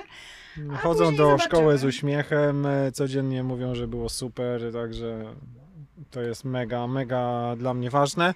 I też mi się wydaje, że jakby ta podróż e, im w tym bardzo pomogła, czyli one są tak mega przyzwyczajone do ciągłych zmian. E, To pamiętam tak w firmie zawsze mówiliśmy, że jedyne co jest pewne to zmiana, tak? E, Ja jakby pracowałem ze zmianą, czyli cały czas jakby wdrażałem jakieś usprawnienia i zawsze największym problemem byli ludzie, którzy boją się zmian, nie chcą tych zmian, nie lubią. No i zawsze było najważniejsze nie techniczne sprawy, tylko przekonanie tych ludzi. Patrząc na nasze dzieci, które po prostu od, y, nie wiem, czterech lat po prostu żyją w ciągłej zmianie, to dla nich takie pójście do szkoły, gdzie nie znają języka, jest obco, no to dla nich było okej, to idziemy, nie? Będzie fajnie, nie? No i poszły. Myśmy się strasznie tego bali, a, a one wróciły, wiecie, zaja... Nagle karty się odwróciły. Tak, tak, zajarane, a my po prostu tak oczy otwieraliśmy szeroko, że co się dzieje, to jest niemożliwe po prostu, nie? One codziennie idą z uśmiechem, no i spoko, ten. A się boimy, czy to No. się skończy, czy to się nie skończy, ale Tak. na razie się nie kończy. Dzisiaj moja mama też dzwoniła i się pyta, dziewczynki, jak tam w szkole? Czy dalej wam się Dalej tak wam podoba? się podoba? One pewnie, jasne, super. Ja tak mówię, jacie, jakie to jest cudowne, że, że te obawy były we No, mnie. ale też były w tobie, ale też no, z tego, co opowiadaliście nam, one też wam tak zostały trochę przekazane, tak? W sensie dostaliście takie trochę potwierdzenie tych obaw, tak? No bo rozmawialiście tutaj ze znajomym, Mhm. który wam powiedział, przygotujcie się na Tak, to, tak, bo u niego tak było. Tak. Więc to też nie jest takie coś naturalnego, e, bo gdzieś tam no, tak, mieliście on te... strasznie nastraszył. Tak, tak, tak. że- On powiedział, bo konsultowaliśmy się z kilkoma rodzinami, które mniej więcej w podobnym wieku e, miały dzieci, kiedy się przeprowadzały do innego kraju i właśnie pytaliśmy się, jak te dzieci weszły w to nowe środowisko, czy to było trudne. No i każdy mi powiedział, że tak, że jest to początkowo trudny etap, aczkolwiek były też takie głosy właśnie, które się sprawdziły, gdzie koleżanka mi mówiła, Marta wyluzuj, Będzie dobrze, tak. będzie dobrze.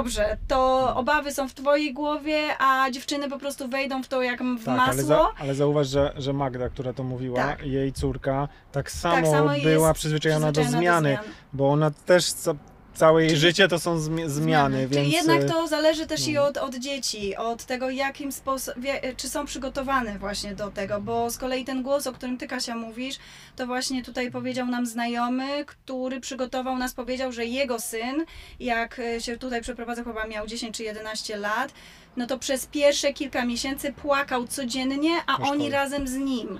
I on powiedział, że przygotujcie się po prostu na ten Że płacz, że to jest ciężko, kilka nie? miesięcy po prostu płaczu całej rodziny, aż w końcu no jakoś się do tego przystosuje. Więc myśmy byli przerażeni. A myśmy nie mieli ani jednego, a nawet minuty y, w ogóle jakiegoś gorszego nawet samopoczucia y, ze strony dziewczyn, więc y, kamień spadł nam totalnie z serca. Nie, ale właśnie o to chodzi. Na przykład Ala i Lena zmieniały szkołę miejsce więcej razy niż, niż ja. To też jest śmieszne właśnie, Mhm. dlatego przyzwyczajenie do zmian, które nagle wychodzi w sposób naturalny jest moim Tak, zdaniem no. super opcją. Która to jest I- szkoła Ali? Nie no, Ali trzecia.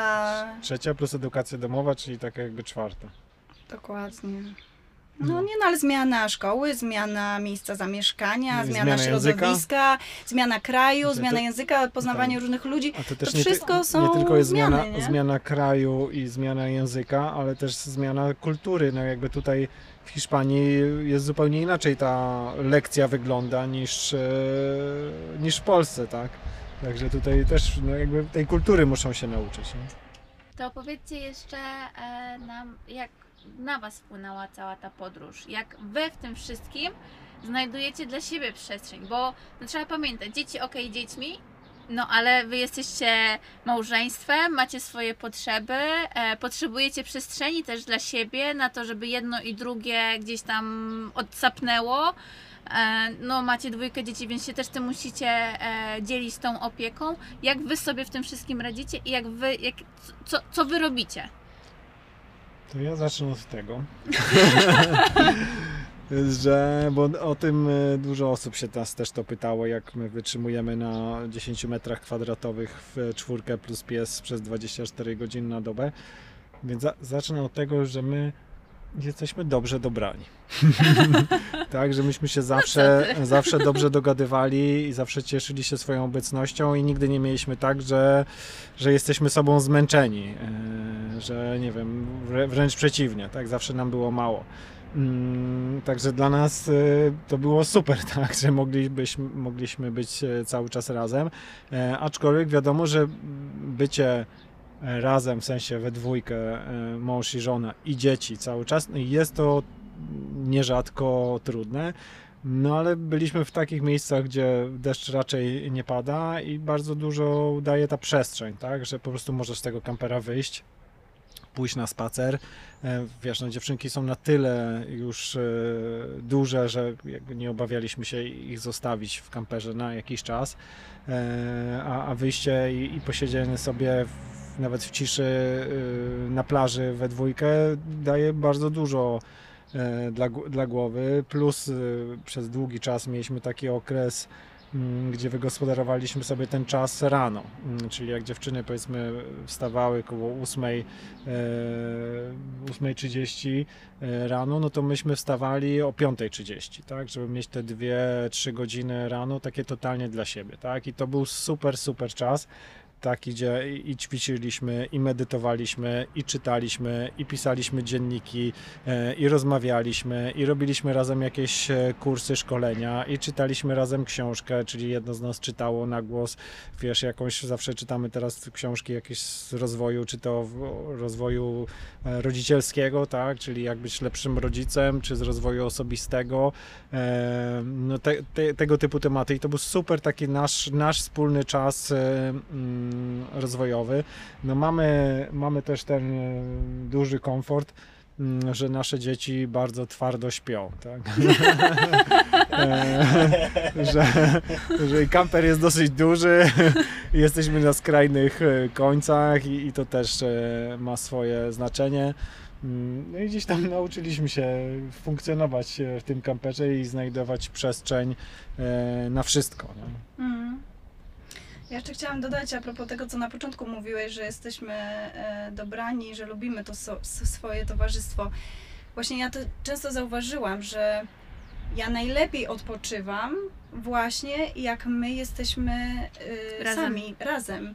E, I czasami bywa tak, że właśnie uwielbiałam też ten moment, że po jakichś takich momentach, kiedy byliśmy gdzieś dłużej w jednym miejscu, gdzie byliśmy wszyscy razem jeszcze z innymi różnymi ekipami, że przychodził taki moment, kiedy człowiek nagle czuł się taki trochę przebodźcowany wszystkim, co się dzieje wokół, bo wiadomo, super są spotkania towarzyskie, wspólne jakieś przesiadywanie do, do późnych godzin wieczornych, coś się dzieje w ciągu dnia, dużo, dużo, dużo się dzieje.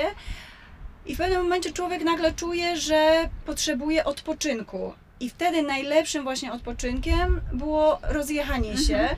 I, I to chyba każdy tak też czuł, że, Tak, że tak, są takie ogóle- momenty właśnie w podróży, że, że, że, że się żegnasz, że już wiesz, bo już jesteśmy Mhm. nauczeni doświadczeniem, że jak się mamy znowu spotkać, to się i tak spotkamy, Spotkamy, gdzieś tak. znowu w jakimś fajnym miejscu.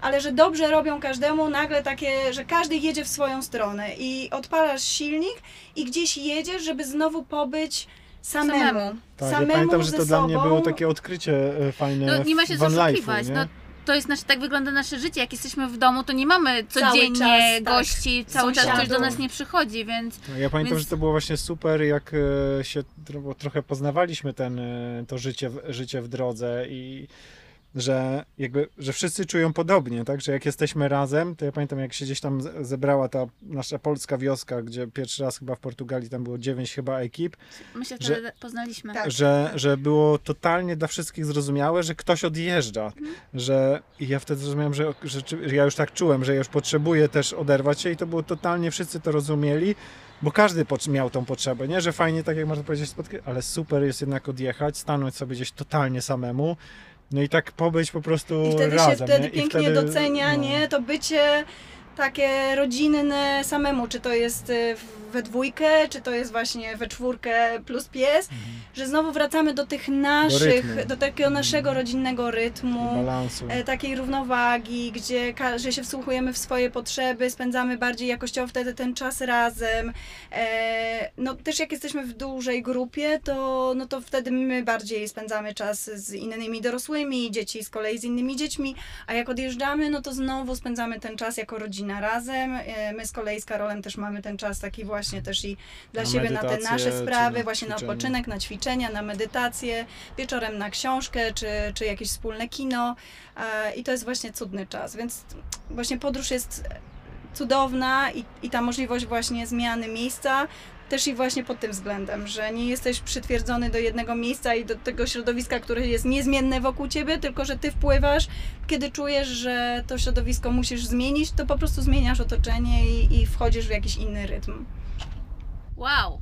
W sensie, wow, super, super rozmowa i e, mega Wam dziękujemy, że chcieliście już? się... A jeszcze chcesz o czymś No poopowiadać? mogę Dawaj!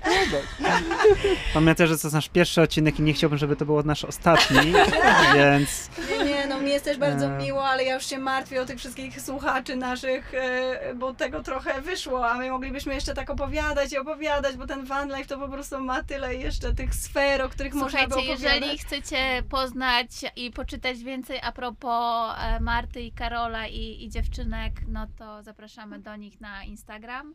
Tam jest pokazane całe życie i, po, i w życiu kamperowym, ale teraz też i to życie, które no wiodą w Hiszpanii i to i pokazują, jak cudownie dziewczynki się zaadoptowały do życia tutaj.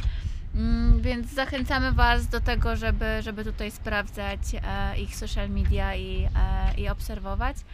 A my Wam, kochani, strasznie dziękujemy, kibicujemy. E, i chcielibyśmy zaprosić na drugi odcinek.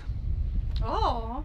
Tak, a już e, tak. Już to będzie tak. Kasiu. Kasiu, Marek Kasiu. czuje, że jeszcze temat nie Ja, wyczerpany. ja uważam, że jestem z Chętnie każdym na odcinkiem przyszłość się- głodny. Głodny Tak. wiedzy i historii z y, ludźmi, z którymi mam nadzieję uda się przeprowadzić kolejne rozmowy. Chętnie. Mm, Jeszcze Wy- nie raz się widzimy i to jest najcudowniejsze, że już tyle rozłąk za nami, a Tak. tyle znowu, więc już wiemy, że się cały czas Tak. widzimy. Zwłaszcza, że to miejsce też tutaj nas Tak. łączy. tak. Słuchajcie, dziękujemy Wam Dziękuję. bardzo. Dzięki za Dziękujemy rozmowę. Dziękujemy ślicznie.